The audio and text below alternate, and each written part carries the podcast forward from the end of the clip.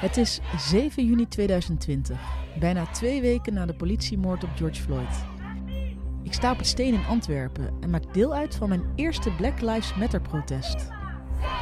Ik sta hier omdat ik kenbaar wil maken dat ik verontwaardigd ben, maar mij ook verdrietig voel en boos. Dit is Minder Politie, een podcast over politiegeweld in België. Van Kief Kief in samenwerking met de Wereld Morgen en met steun van Fonds Pascal de Kroos. Mijn naam is Jade en ik neem je in vijf afleveringen graag mee in mijn zoektocht naar antwoorden. Je luistert nu naar aflevering 1, het probleem. Hoe los je een probleem op wat niet iedereen kan zien? Een probleem dat langzaam groter wordt, slachtoffers maakt, maar zich tegelijkertijd verborgen weet te houden. Politiegeweld is iets waar sommige mensen niet omheen kunnen. Een dagelijkse realiteit waar niet aan te ontkomen valt. Tegelijkertijd ontgaat het ook heel veel mensen. Ze zien het niet of ze willen het niet zien. Als vrouw van kleur zie ik het niet alleen, ik voel het ook. Ik voel de pijn, de onmacht en de wanhoop. Ik wil het niet meer accepteren, maar het probleem ontrafelen en helemaal doorgronden. Om niet alleen te weten wat het is, maar ook waarom er zoiets als politiegeweld in België bestaat. Ik denk dat ik vooral echt schrik van de hoeveelheid verhalen uh, en ook wel de intensiteit van, van sommige verhalen. Je hoort hier Sophie, wat overigens niet haar echte naam is. Ik uh, zou mezelf graag met naam en toenaam voorstellen, maar dat kan ik niet doen. Uh... Omdat het allemaal wat gevoelig ligt. Praten over politiegeweld, je mening daarover geven. Daar staat niet bepaald iedereen om te springen. Als ik nu een beetje ehm, soms misschien wat negatief overkomen over politie, ehm, dat dat mij niet altijd in dank uh, afgenomen zou worden. Ze werkt als jeugdwelzijnswerker in Vlaanderen en bereidt mij voor op wat mij te wachten staat in mijn zoektocht naar antwoorden. De mate van agressie waar er soms mee wordt opgetreden, als ik dat dan hoor, dat ik daar echt van schrik en ook echt wel uh, van wakker lig, ehm, boos van word. Maar dat is heel moeilijk. Allee, of dat is, ja, niet belangrijk genoeg ten opzichte van wat er met die kinderen, allee, kinderen en jongeren doen. Ik vraag Sofie naar voorbeelden.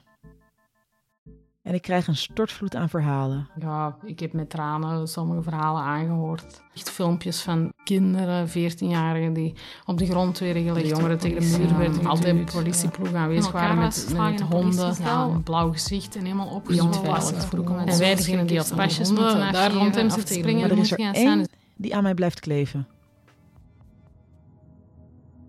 Het is lockdown. De jongeren spreken af op een pleintje omdat ze niet bij hun thuis kunnen afspreken. Ze staan daar met drie fietsen te babbelen. Op afstand van elkaar. Het is zelfs zo dat ze die namiddag daar ook al stonden en dan aan de wijkagent die passeerde gevraagd hebben van hey, mag dit eigenlijk? Want uh, we staan nu toch op afstand. Waarop de wijkagent zegt ja, mag, top, uh, dat is in orde. Er komen dan twee agenten aan, um, die met hen beginnen praten zelfs. Um, en dat de jongens zoiets zeiden van, oké, dit is een leuk gesprek, we vragen nog eens naar de maatregelen, we zijn gewoon aan het praten. En een van de agenten zegt dan iets in haar walkie-talkie.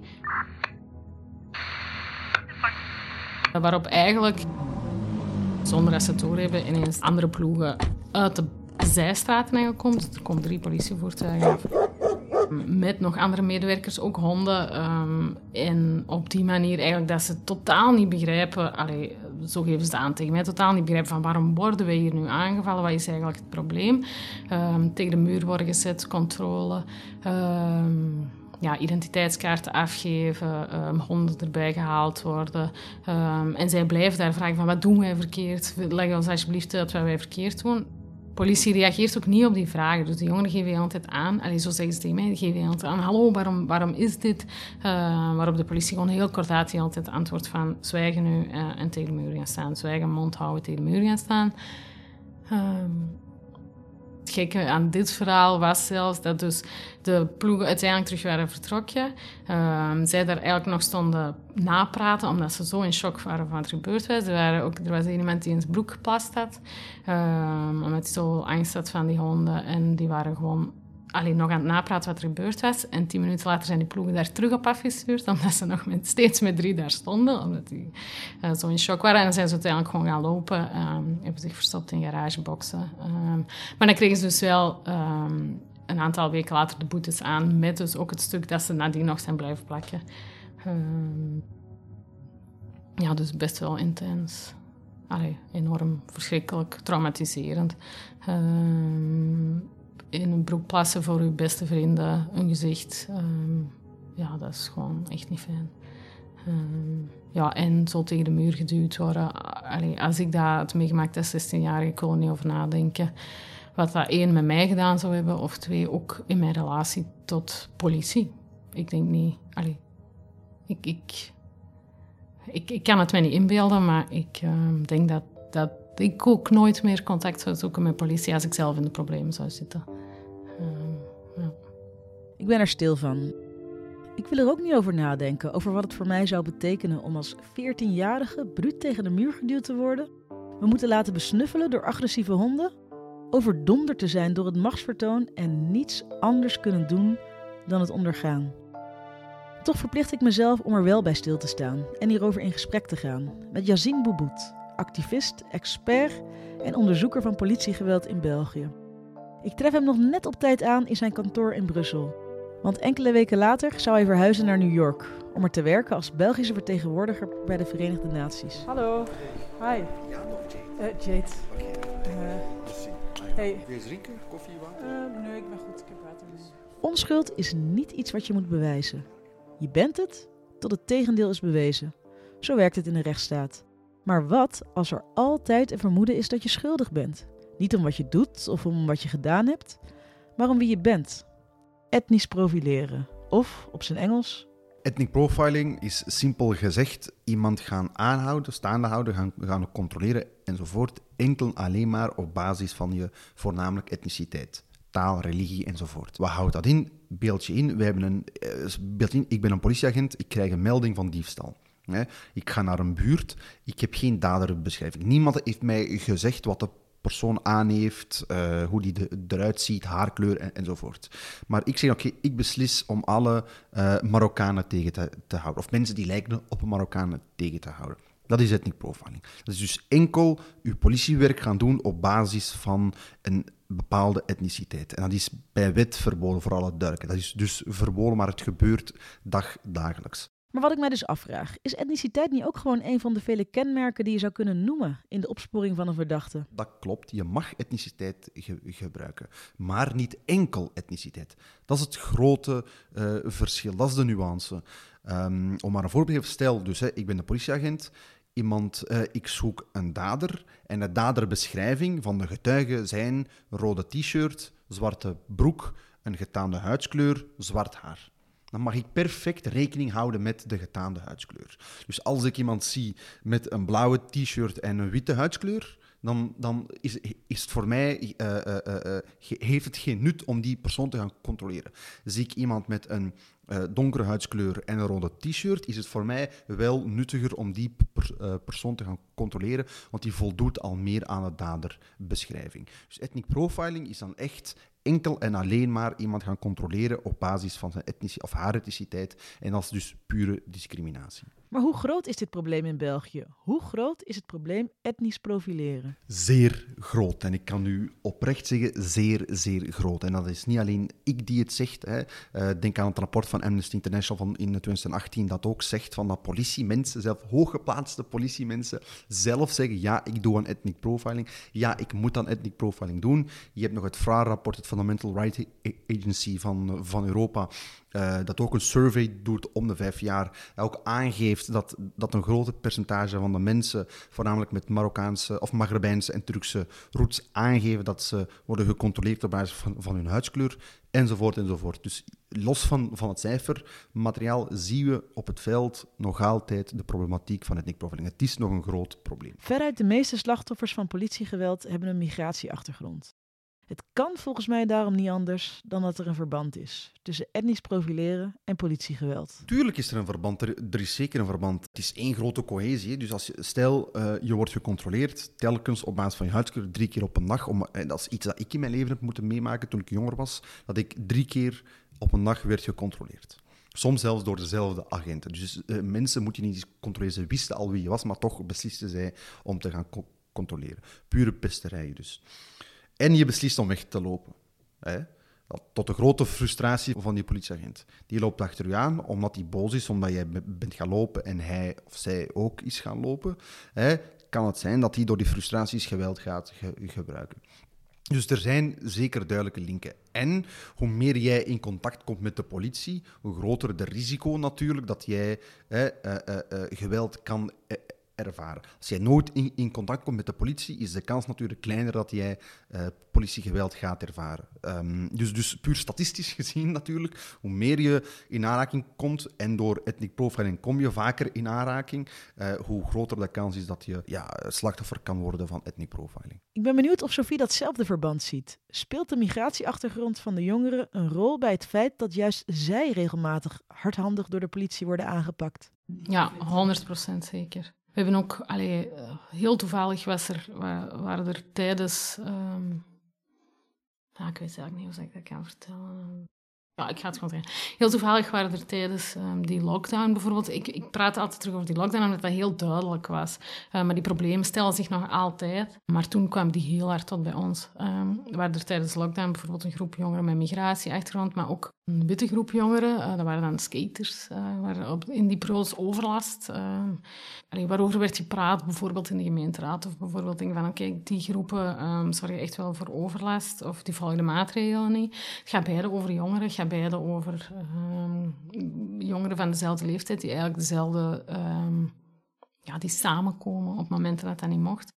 Maar waar wel echt een andere aanpak is afgesproken. Waar dat de ene groep in de wijk uh, met de migratieachtergrond echt wel um, politie is opgedreven, veel hoger, veel meer controles, veel hardere aanpak. Waar ook echt werd opgedragen van kijk, die moeten harder aangepakt worden. Tegenover die andere jongen hebben die problemen niet ondervonden.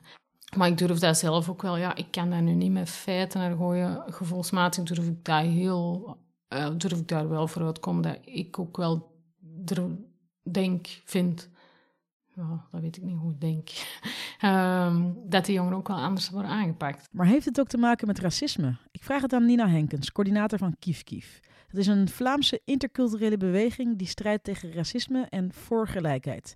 Een van de belangrijkste beleidsthema's van Kief Kief is politiegeweld. Natuurlijk heeft het te maken met racisme in die zin van dat het overgrote deel, niet alle slachtoffers, maar dat het overgrote deel um, een, een migratieachtergrond heeft. En dat, um, dat we ook weten uit de getuigenissen van de jongeren dat dat soort geweld ook bijna altijd gepaard gaat met racistische beledigingen. Maar dat wil uiteraard niet zeggen dat witte mensen niet ook slachtoffer kunnen zijn van politiegeweld. Zeker niet. En we zien dat daar ook um, vaak gaat over mensen in kwetsbare posities mensen die in armoede leven, mensen die, um, die drugs gebruiken, mensen die geestelijke gezondheidsproblemen hebben.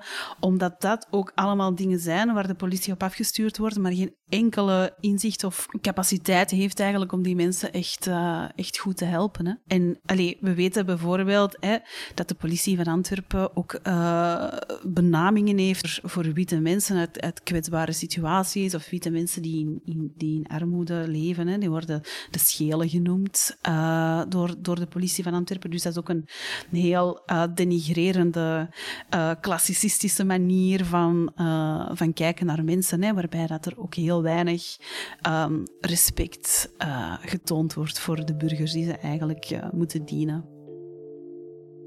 Toni Morrison, de ondertussen overleden Afro-Amerikaanse schrijver, zei ooit dat de functie van racisme afleiding is. Het houdt je van je werk af en het laat je uitleggen. Uitleggen waarom jij er bent, steeds opnieuw en opnieuw. Ik wil weten welke plek racisme inneemt binnen de politiekorpsen van België. En ik schuif daarvoor aan bij Paul Ponsaars. Hij is criminoloog, maar hij schreef ook meerdere boeken over extreem rechts in de samenleving. Maar blijkbaar is dat dus ook aanwezig binnen de politie. De afgelopen decennia ben ik werkzaam geweest aan de UGent als prof criminologie. En eh, ik ben vooral bezig geweest met politie. Dat was eigenlijk mijn studiedomein. Naarmate dat ik al die dingen eens terug ter hand nam afgelopen jaren, viel me op dat eigenlijk extreem rechts in grote mate probeert te recruteren in kringen van politiemensen, ook leger, hè? Ook leger. Met andere woorden, in delen van ons staatsapparaat die het monopolie hebben op geweld, daar bevinden zich dus mensen die zichzelf identificeren als extreem rechts. Dan vraagt je je natuurlijk af, waarom doen ze dat nu eigenlijk? Ja, waarom doen ze dat nu eigenlijk? Politie is in grote mate de instantie, het staatsapparaat, dat beschikt over het monopolie van legaal geweld. Ja? En dat betekent dat politiegeweld in C ehm, gebonden is aan legaliteit, aan de wet. De politie mag dus meer dan jij en ik. Als het gaat over geweld. Maar zij moeten zich wel aan de wet houden, natuurlijk. Ja? Ehm, en dat is, de, dat is de eerste reden, met andere woorden. De politie heeft iets met geweldpleging, maar iets speciaals, iets bijzonders. Ja? Iets dat eigenlijk op een of andere manier, en dan zeg ik het een beetje badinerend, avonturiers de ogen uitsteekt. Want die mogen dat en wij mogen dat niet.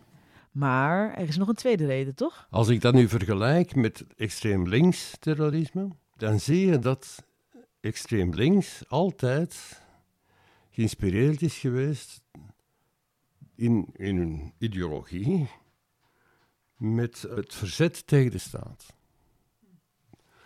En de vijand voor het extreem linkse kamp is eigenlijk de staat. En ze verzetten zich, met andere woorden, tegen die staatsapparaten, onder meer de politie. Dat is de vijand. Dat ligt dus helemaal anders bij extreem rechts. Omwille van die fascinatie die er straks aanhield, maar ook omwille van het feit dat zij niet zozeer de staat als zodanig, als vijand beschouwen, maar wel bepaalde fracties binnen dat staatsapparaat. Dat is iets heel anders.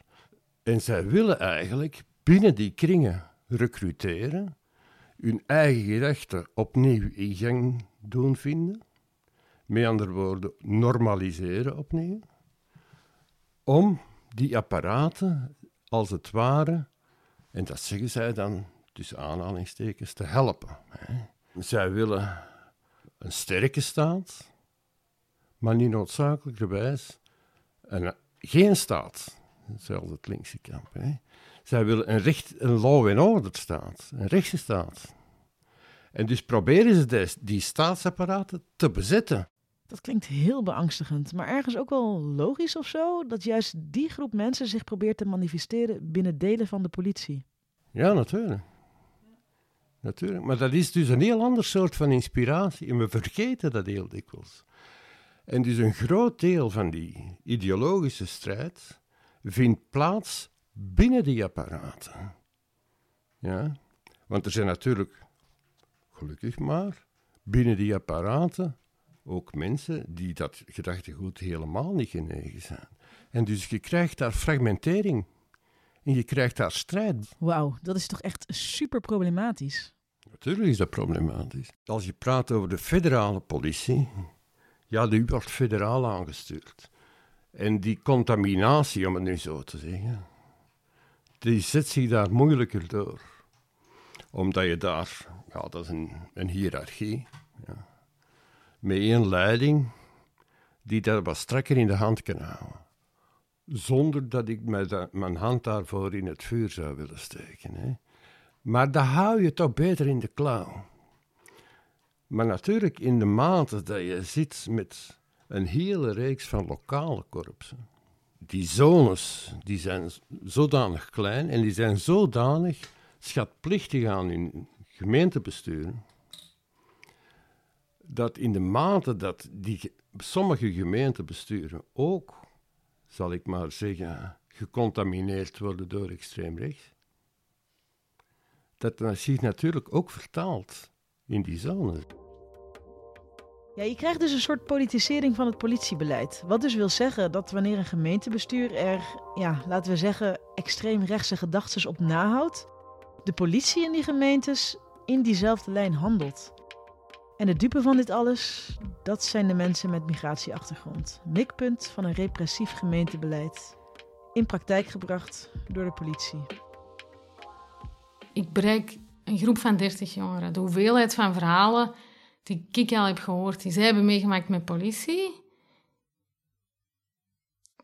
toont gewoon dat die anders, dat die meer te maken krijgen met politie dan, dan andere groepen. Ik, ik, ik heb nog nooit in mijn eigen leven, nog nooit een contact gehad met politie, privé. Nog nooit. Ik heb ook maatregelen niet enorm strikt nageleefd tijdens de lockdown. Ik heb daar nooit mee in de problemen gekomen. In het centrum van de stad stonden uh, bij wijze van spreken de oudjes op hun fietsen allemaal met elkaar te praten. Maar er is nooit iemand die, die tegen de muur heeft gezet of die met drugshonden gecontroleerd werden. Nog nooit heb ik dat gehoord. Maar effectief, de, hoeveelheid van de verhalen waar zij mee afkwamen um, en nog steeds mee afkomen... Um, is, ja, dat is, dat, is, dat indrukwekkend. Ik ben die toen beginnen oplijsten, omdat ik ook naar mijn eigen leidinggeving zoiets had van, ik, ik moet hier iets mee doen, of ik, ik, wil hier iets... Um, ik wil dat die weten, alleszins, wat er gebeurt. Ik, ik krijg die verhalen, ik wil, dat, ik wil die zelf ook doorgeven. Ik ben die beginnen neerpennen en dat waren ja, een groep met 30 jongeren, dat waren 40 verhalen. Dat gaat over kleine, van kleine tot grote dingen. De jongeren die niet allemaal iets met elkaar te maken hebben, die gewoon toevallig bij ons naar de werking komen.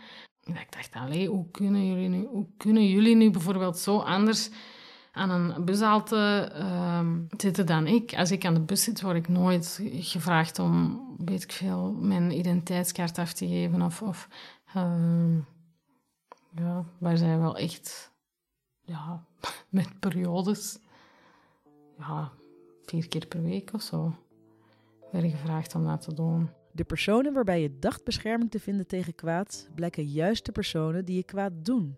Dat leidt tot ongeziene trauma's. Ik zou daarom graag willen weten of wat Sophie mij vertelt slechts ongelukkige incidenten zijn, een kwestie van enkele rotte appels, of dat het vaker voorkomt. Is politiegeweld gewoon een aaneenschakeling van een reeks incidenten? Of zitten we met een structureel probleem? Ik vraag het aan Eline Kind, beleidsmedewerker bij de Liga voor Mensenrechten. Moeilijk om te omschrijven wat ik doe, omdat ja, kleine organisatie uh, van alles en nog wat. Uh, maar hoofdzakelijk ben ik verantwoordelijk voor het beleidswerk van de Liga. Uh, met de bedoeling dan om het beleid mensenrechten vriendelijker te maken. En het ultieme doel, mensenrechten realiteit voor iedereen in België. Oké, okay, maar dan nu even over politiegeweld. Is dat nu een structureel probleem of niet? Het probleem zit hem in iedereen weet dat het er is, maar niet iedereen um, geeft toe dat het structureel is. Dat het een, een uitwas is van een structureel probleem dat deel is van onze samenleving. Uh, er wordt heel vaak gezegd, het zijn de rotte appels en de rotte appels moeten opstappen. Ja, maar ja, als die systeem gebouwd is op vooral het zoveel mogelijk beschermen van de rotte appels, gaan die rotte appels niet vertrekken. En dan is er dan van uitgaan dat enkel rotte appels zijn. Als je systeem zodanig lang op die manier werkt, dan is het geen rotte appelprobleem meer. Dan is structureel. En zolang dat je het niet bekijkt als structureel, dan kan je voor jezelf misschien nog het argument maken van oh, die klachtenmechanismen hoeven die niet aan te passen.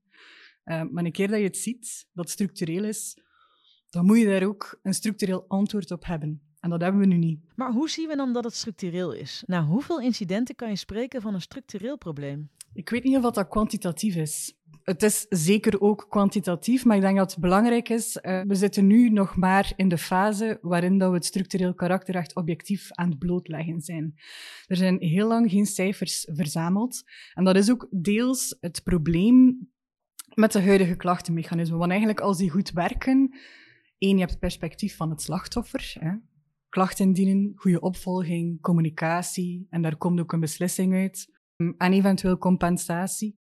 Maar een goed klachtenmechanisme gaat ook registratie doen. Een deftige registratie waarin dat we gaan kijken naar wat is het profiel van, van die slachtoffers. Om dan in de werking van de politie die problemen te gaan blootleggen en ze aan te pakken. En nu zien we dat die registratie, als je kijkt naar de jaarrapporten van Comité P bijvoorbeeld, maar ook de AIG, als je kijkt bij Unia, er is niemand die het probleem volledig in kaart brengt. Dus dan is het ook moeilijk om te gaan argumenteren, te structureel. Maar als je het gaat gaan vragen naar mensen die dag in dag uit in gemeenschappen werken, wonen, leven, opgroeien, die daar disproportioneel mee te maken krijgen, dan hoor je het constant dat het structureel is. Het is structureel. Heel veel mensen die er slachtoffer van zijn, weten dat het structureel is, Maar de mensen die er geen slachtoffer van zijn, zien de nood niet om de data te verzamelen, om het dan effectief ook boven te halen. Ik denk dat daar een beetje het probleem zit. Dat is wat ik zelf zo moeilijk vind aan deze problematiek. Er zijn zoveel mensen voor wie politiegeweld een dagelijkse realiteit is, maar tegelijkertijd zijn er ook veel mensen die geen idee hebben dat er ook maar zoiets als politiegeweld op zo'n grote schaal plaatsvindt. Het wrangen aan dit alles, en eigenlijk met heel veel maatschappelijke issues, is dat het net die mensen zijn die zelf geen last ondervinden van het probleem, over de macht, het mandaat en het beslissingsrecht beschikken om iets aan het probleem te doen. En alsof het allemaal niet erg genoeg is, blijkt niet alleen de problematiek rond politiegeweld afschuwelijk, ook de nasleep is om te janken. Cijfers worden niet of nauwelijks bijgehouden en er is niet één plek waar je met je klacht terecht kan, maar net heel veel verschillende soorten. Voor elk type klacht is er weer een ander instituut. Eigenlijk internationaal gezien is er de verplichting om bij alle takken van de overheid een klachtenmechanisme te hebben. Dus, hou je schrap. Er is de uitvoerende macht met de Algemene Inspectie, een dienst die rechtstreeks onder de minister van Binnenlandse Zaken valt. En we hebben natuurlijk ook de wetgevende macht. Daaronder valt Comité P. En dan binnen de rechterlijke macht heb je een typische strafklacht in. Wat leidt tot onderzoek via het parket. Dan heb je ook nog Unia en Meria. Bij Unia kan je terecht, maar enkel als je klacht betrekking heeft op de discriminatiegronden waar Unia toe bevoegd is. Wat er bijvoorbeeld niet onder valt is discriminatie op basis van geslacht en discriminatie op basis van taal ook niet. Bij Meria zit je dan wel goed met je klacht als het met migratie of mensen op de vlucht te maken heeft. Dan is er ook nog de kinderrechtencommissaris wanneer het gaat over minderjarigen. En om het dan nog wat moeilijker te maken, je kunt ook op lokaal niveau een klacht indienen over politiegeweld. Dan moet je naar de dienst intern toezicht. Ieder politiekorps heeft erin. Je kan ook naar de ombudsman gaan. En misschien komt daar op termijn um, binnenkort nog een ander klachtenmechanisme bij. En dat is dan het FIRM, dat is het nieuw opgerichte Federaal Mensenrechteninstituut. Um, dus de bedoeling dat dat uh, ooit A-status krijgt op basis van de, de Paris Principles. Dat kan enkel wanneer dat er een klachtenmechanisme is. En het firm zou kunnen bevoegd zijn voor alles wat te maken heeft met foltering um, of um, vernederende onmenselijke behandeling. Politiegeweld zou daar kunnen onder vallen, dus dat zou eventueel theoretisch misschien mogelijk kunnen zijn in de toekomst. Voilà, dat zijn er veel. Je zou bijna denken, top. Dat kan alleen maar positief zijn. Dat je op zoveel plaatsen terecht kan met jouw verhaal of klacht over politiegeweld of net niet. Een probleem van heel veel verschillende toegangspoorten um, is dat je als, van het perspectief van een slachtoffer, stel jezelf die vraag, maar moet ik nu eigenlijk naartoe? Waar moet ik naartoe met mijn klacht? Um, waar ga ik het beste naartoe? Um, waar krijg ik het beste opvolging? Dus er wordt eigenlijk heel veel verwacht van een slachtoffer om te kunnen die beslissing te maken. Waar kan ik naartoe? Qua toegankelijkheid is dat niet top. En dat is er dan nog vanuitgaande dat er informatie beschikbaar is over waar dat je met je klacht naartoe kan. Heel veel mensen weten eigenlijk niet waar dat ze overal terecht zouden kunnen. Um, het meest natuurlijke is, en eigenlijk is dat al niet helemaal waar, maar het meest natuurlijke zou kunnen zijn om dat te doen, uh, ofwel bij Unia ofwel bij de politie zelf, omdat het natuurlijk over geweld gaat. Uh, maar de vraag is, is dat wel altijd dat is een drempel natuurlijk. Is dat wel altijd een logische plaats om dat te gaan doen? Voel je daar comfortabel bij? Dus qua toegankelijkheid zijn er al vragen te stellen. Maar er is nog een tweede punt. Dat is het gebrek aan onafhankelijkheid. Je wilt er natuurlijk zeker van zijn dat je klacht behandeld wordt door een partij die onpartijdig is. Ten aanzien van het slachtoffer, maar ook onpartijdig ten aanzien van de persoon of dienst die aangeklaagd wordt. Nu, daar kunnen eigenlijk wel vragen over gesteld worden. Omdat je ziet, um, Waar dat je ook met die klacht naartoe gaat, in C zal het onderzoek altijd gebeuren door politieambtenaren. Altijd. Daar kan je eigenlijk niet van onderuit. Um, ofwel gebeurt dat onderzoek door de Algemene Inspectie. Dat zijn politieambtenaren die onder een andere hiërarchie resorteren dan de politieambtenaren die het geweld hebben gepleegd. Um, maar het zijn altijd politieambtenaren Ga je naar de dienst intern toezicht, dat is een dienst die onder dezelfde korpschef resorteert als de politieambtenaren waartegen je klacht indient. Um, dat zijn dus collega's. Daar kan je al vragen bij gaan stellen bij die onafhankelijkheid. En ook wanneer we gaan kijken naar comité P, waar dat toch altijd wordt gesteld als zijn het meest onafhankelijke uh, klachtenmechanisme, ook bij comité P zijn dat gedetacheerde politieambtenaren. Dat zijn mensen die als politieambtenaar hebben gewerkt, gedetacheerd zijn in comité P en uiteindelijk ook terugkeren. Dus de vraag is, onafhankelijkheid, of dat dat ook een optie is of dat dat ook effectief voldaan wordt. En een derde punt is dan effectiviteit. Gebeurt er iets met uw klacht? Heeft het eigenlijk wel zin? Um, en ook daar kunnen er ook wel vragen bij gesteld worden. We zien eigenlijk dat er heel wat straffeloosheid is. Iedereen weet dat er politiegeweld is. Er zijn heel veel zaken die naar boven zijn gekomen. Er wordt gefilmd. Um, er worden ook, uh, als ik me niet vergis, bij Lamin Bangura waren er ook um, uh, audiotapes. Uh, dus er, er komt heel wat boven water. Komt er ooit iemand voor de rechter? In België? Bijna nooit. En dat is nu exact de reden waarom Sofie er ook weinig nut in ziet om officieel klachten in te dienen. Haar jongeren filmen heel regelmatig. Maar dat wordt hun op dat moment ook niet in dank afgenomen. De politie wordt daar eigenlijk uh, vaak boos om. Uh, dus wat maakt dat de jongeren dat uh, ja, nu eigenlijk minder beginnen doen? Uh, we hebben ook wel ehm, vastgesteld dat de jongeren die dan de beelden hebben, dus situaties die echt uit de hand lopen, um, waar politie heel agressief is dus, en jongeren die beelden hebben, we sturen die beelden dan samen op met de klachten naar Comité of, of uh, naar andere instanties. Maar we merken dat er dan uiteindelijk ook niks mee gebeurt. Uh, dus dat ze zelf ook iets hebben van ja, die beelden, och, we zijn er ook niet veel mee. Um, zelf durven ze ook niet op sociale media te verspreiden, um, omdat ze dan, net zoals de klachten die ook schrik hebben van ja, dan komt het uiteindelijk weer bij mij terecht en word ik gestraft. Uh, en mijn familie, want vaak maakt het voor hunzelf niet veel meer uit wat ermee gebeurt. Dus ik kan, uh, alleen mij maakt het allemaal niet uit. Uh, maar ze willen wel een familie daarin beschermen. Dus um, ze willen die beelden ook niet verspreiden, want ze zijn bang dat de politie bij hun aan de deur komt. Wat ook effectief wel gebeurt bij minderjarigen, dat de politie aan de deur komt. De buurt ziet dat er politie aan de deur is, geweest. Um, en dat wil zijn familie niet aandoen.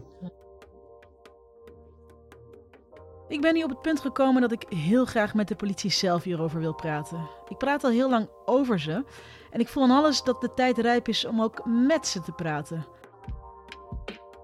Hoe denken zij over deze problematiek? Hoe zien zij de oplossing? Waarin zien zij de eerste stap? Maar hoe pak je dat aan? Hoe kom je in contact met iemand die wil praten namens een heel instituut? Op het moment dat ik mijzelf deze vragen stel, zie ik een pagina breed interview in de krant staan met Olivier Slossen, de kersverse korpschef van de politiezone Brussel-Noord. De kop is een citaat. Er is racisme binnen de samenleving, dus ook binnen de politie. Hij had me dus hè, bij deze quote. Je wil dat iedereen zich veilig voelt bij de politie, maar dat is niet zo. Met hem moet ik spreken. Hij blijkt een geboren Brusselaar te zijn, wat blijkbaar niet vanzelfsprekend is bij politiemensen die werkzaam zijn in Brussel. Hij snapt de sociale dynamieken, de maatschappelijke problemen en misschien ook wel de negatieve verstandhouding tussen de politie enerzijds en de verschillende gemeenschappen anderzijds. Hij lijkt me niet alleen de geschikte persoon om hiermee te praten, maar gezien zijn achtergrond en zijn visie schat ik mijn kansen ook groot om hem voor mijn microfoon te krijgen. De volgende keer in minder politie. Is het absoluut noodzakelijk om een jonge gast die met zijn brommer een identiteitscontrole ontloopt, omdat hij in de COVID-maatregelen niet gerespecteerd heeft, wordt dat prioritair? Minder politie is een zoektocht van mij, Jade Yorks. Een podcast die ik maak in opdracht van Kief Kief in samenwerking met de Wereld Morgen en met steun van Fons Pascal de Kroos. De eindredacteuren zijn Nina Henkens en Stef Arends. Verder werkten ook mee Habiba Boumassa en Karin Schuitema. Zonder de verhalen, getuigenissen en expertises van jeugdwerker Sophie, onderzoeker Yassine Boubout, criminoloog Paul Ponsars en beleidsmedewerker van de Liga voor Mensenrechten Eline Kind, had ik nooit deze aflevering kunnen maken. Dankjewel. Praten graag met jou verder over jouw ervaringen, over jouw mening en over mogelijke oplossingen. Ga naar minderpolitie.be voor meer info.